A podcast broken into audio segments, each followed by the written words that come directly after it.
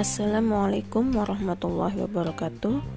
Selamat pagi mahasiswa AP Angkatan 2018 dan 2019 Kelas pagi e, Jumat ini kita bertemu lagi di mata kuliah ekonomi politik. Dan semoga semuanya selalu dalam keadaan sehat walafiat. Ya, langsung saja. Jadi pada pertemuan ketiga ini kita akan membahas mengenai ekonomi politik liberal klasik.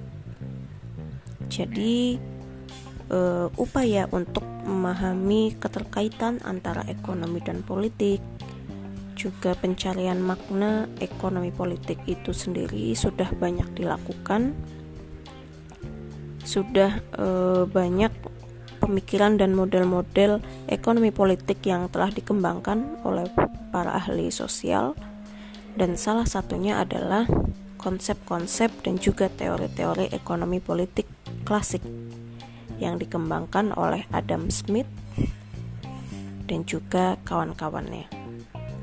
Nah, dimulai dengan ekonomi politik klasik di mana secara historis perkembangan ide tentang hubungan antara ekonomi dan politik dapat dilihat dari pemikiran-pemikiran para filsuf masa Yunani kuno seperti Plato dan juga Aristoteles. Di mana Aristoteles dalam bukunya Politics mengatakan bahwa ilmu ekonomi merupakan bagian dari politik, sedangkan politik sendiri merupakan bagian dari etika dan falsafah. Ekonomi berasal dari kata eikos atau aturan dan nomos yang berarti rumah tangga. Di mana dapat diartikan bahwa eh, pada masa klasik ini ilmu ekonomi politik itu diartikan sebagai seni mengolah rumah tangga negara. Di samping itu, ilmu ekonomi politik juga banyak diartikan sebagai ilmu tentang etika atau falsafah yang digunakan untuk mengelola negara menuju masyarakat yang sejahtera secara sosial, dan makmur secara ekonomi. Jadi, kalau melihat ini memang eh, dapat dikatakan bahwa politik dan ekonomi itu akan selalu bersinggungan. Hal ini juga diperkuat oleh James Stuart Mill dalam An Inquiry into the Principles of Political Economy di mana dia mengatakan bahwa ekonomi itu lebih sempit cakupannya daripada politik yaitu ekonomi hanya sebagai pengelola rumah tangga, sedangkan politik itu membahas atau mengelola negara. Jadi skupnya lebih besar. Jadi ekonomi itu dianggap bagian dari politik. Dan ekonomi harus tunduk dalam tatanan politik yang lebih makro. Di mana hal ini oleh para filsuf dianggap menimbulkan patron kenegaraan. Salah satunya Plato di mana dia berpikiran bahwa individu merupakan organisme dari kelompok besar dan manusia sebagai makhluk sosial yang mana individu-individu tidak dapat memenuhi kebutuhannya sendiri dan bergantung pada kelompok besar. Konsep ekonomi politik berbentuk setelah munculnya pemikiran ekonomi dari James Stuart, Adam Smith, dan juga kawan-kawannya Eh, dan mulai muncullah kaum klasik yang disebut sebagai tonggak awal kelahiran ilmu ekonomi, tepatnya ilmu ekonomi politik. Dikatakan begitu karena ilmu ekonomi dan politik masih bersatu dalam ekonomi politik. Perspektif ekonomi politik liberal klasik hasil karya Adam Smith yaitu The Wealth of Nation dimaksudkan untuk menyebab hukum-hukum yang menuntun aktor-aktor ekonomi dan juga implikasi dari hukum-hukum ekonomi tersebut bagi masyarakat dan negara. Beberapa pandangan kaum klasik yaitu yang akan dibahas mengenai kekayaan, lalu ada teori pembagian kerja, lalu holok atau sifat manusia, mekanisme pasar dan juga paham liberalisme. Dimulai dengan pandangan tentang kekayaan, di mana kaum klasik berpendapat bahwa untuk memproduksi kekayaan diperlukan berbagai faktor produksi seperti sumber daya manusia, kapital, di mana eh, SDM ini adalah semua personil yang terlibat baik langsung maupun tidak langsung dalam proses produksi suatu komoditas. Sedangkan disebut kapital yaitu dana yang disimpan atau disisihkan dari konsumsi dan digunakan untuk menjamin kelangsungan produksi berikutnya. Jadi untuk model berikutnya.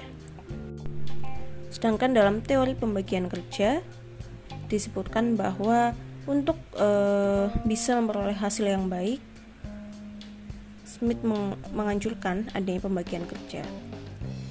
Jadi jika ada pembagian kerja di mana tiap orang itu hanya mengerjakan bagian e, tertentu saja dan pekerjaan lain dikerjakan oleh orang lain, maka hasilnya dianggap akan lebih besar karena satu orang fokus kepada satu pekerjaan. Dan teori pembagian kerja ini menunjukkan bahwa dalam upaya mengejar keinginan pribadi, orang perlu bekerja sama dengan orang lain.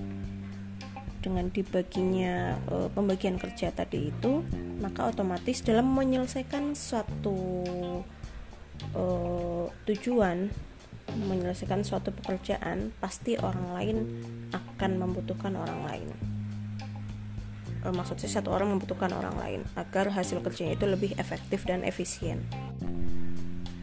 Eh, dan hal ini berkaitan dengan huluk atau sifat manusia di mana ilmu ekonomi tidak bisa dipahami tanpa mengetahui perilaku individu-individu dan masyarakat secara keseluruhan. Salah satu sifat manusia yang dipelajari Smith adalah bahwa semua orang ingin hidup lebih baik. Jadi setiap orang menginginkan yang terbaik untuk dirinya sendiri. Keinginan seperti inilah yang disebut Smith sebagai hasrat untuk kondisi yang lebih baik, suatu hasrat yang ada dalam diri kita semenjak masih di rahim dan tidak akan pernah meninggalkan kita hingga ajal menjemput. Jadi menurut Smith, sifat dasar manusia itu adalah ya ingin mengin, e, menginginkan yang terbaik untuk dirinya sendiri. Mau diakui atau tidak, keinginan itu pasti akan ada dalam dirinya sendiri. Lalu hal e, selanjutnya yang dibahas dalam ekonomi uh, liberal klasik yaitu mekanisme pasar di mana pada awalnya pasar diartikan sebagai tempat bertemunya konsumen dan juga produsen. Tapi pada masa sekarang pasar sudah uh, pengertian pasar sudah berkembang menjadi jauh lebih rumit yaitu mengintegrasikan atau menyatukan individu-individu dan kelompok-kelompok. Di pasar itu masing-masing aktor bersaing atau berkompetisi satu sama lain.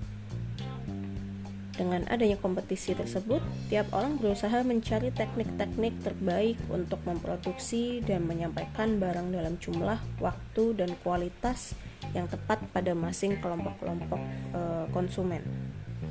Jadi karena tingginya kompetisi, tingginya persaingan, akhirnya tiap orang itu menciptakan hal yang berusaha menciptakan e, produk terbaik, mencari inovasi-inovasi baru Eh, mencari terobosan baru yang dapat diberikan kepada eh, masing-masing uh, kelompok konsumen sesuai dengan target konsumennya.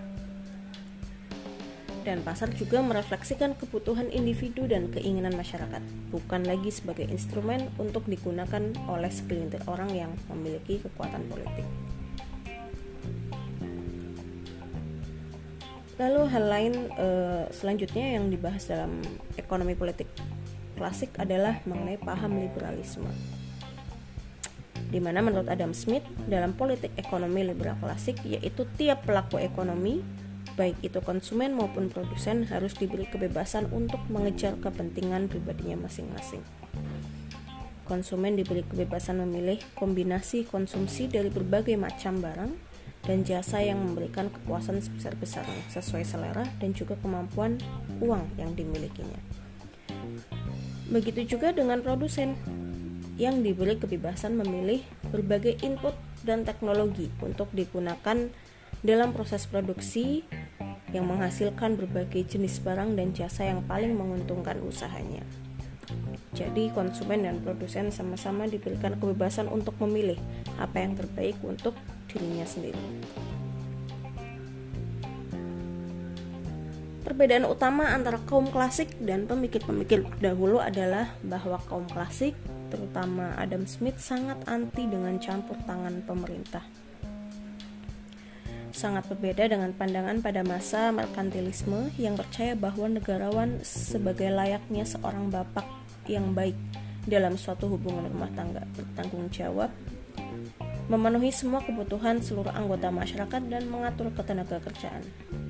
Jadi pada masa merkantilisme negara e, dianggap sangat penting kehadirannya dan untuk bertanggung jawab dan memenuhi semua kebutuhan seluruh anggota masyarakat dan turut eh, campur tangan untuk mengatur ketenaga kerjaan. Tapi Smith percaya bahwa campur tangan pemerintah yang terlalu banyak justru dapat menyebabkan perekonomian mengalami distorsi yang ujung-ujungnya hanya akan menimbulkan terjadinya inefisiensi. Campur tangan pemerintah eh, di mana campur tangannya itu berupa eh, munculnya aturan-aturan yang dibuat oleh para pejabat pemerintah. Menurut Smith itu lebih sering dijadikan sebagai alat oleh kaum kaya untuk menekan kelompok masyarakat miskin. Maka itu Adam Smith sangat eh, meminimalkan kehadiran negara. Jadi pandangan-pandangan Smith itu didasarkan pada perilaku manusia yang punya motif cinta terhadap dirinya sendiri, simpati, ingin merdeka, sopan santun, senang bekerja dan senang untuk saling tukar menukar. Dan sistem ekonomi yang mengoperasionalkan dasar-dasar itu adalah ekonomi dengan persaingan bebas yang diatur oleh tangan yang tersembunyi atau invisible hand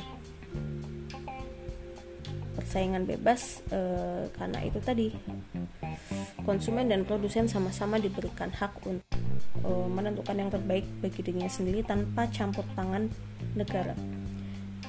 Dan menurut Smith, negara atau pemerintah itu bertugas hanya dalam bidang keamanan, di mana tugas negara itu dalam liberalisme untuk melindungi rakyatnya, menegakkan keadilan dan menyiapkan prasarana dan juga kelembagaan umum. Tapi proteksi dalam berbagai kegiatan ekonomi ditiadakan, monopoli dihapuskan, dan setiap orang tahu apa yang terbaik untuk dirinya dan juga apa yang sebaiknya dipertukarkan bagi orang lain sehingga kekayaan bangsa dapat meningkat. Jadi negara hanya berfokus dalam e, bidang keamanan untuk melindungi rakyatnya agar rakyatnya itu dapat melakukan kegiatan ekonomi secara bebas dan e, dengan rasa aman tapi tidak tidak untuk uh, ikut campur dalam kegiatan ekonomi itu sendiri. Nah, peran negara itu di situ menurut Adam Smith. Ya mungkin itu yang dapat saya sampaikan untuk materi kali ini. Uh, mohon maaf kalau ada yang kurang dalam menjelaskan atau salah kata. Semoga apa yang saya sampaikan bermanfaat silakan di slide terakhir itu ada pertanyaan untuk diskusi dan saya gunakan jawaban teman-teman sebagai absen. Jadi silakan dijawab di kolom komentar yang telah saya sediakan. Dan e, mungkin itu saja. Semoga bermanfaat. Wassalamualaikum warahmatullahi wabarakatuh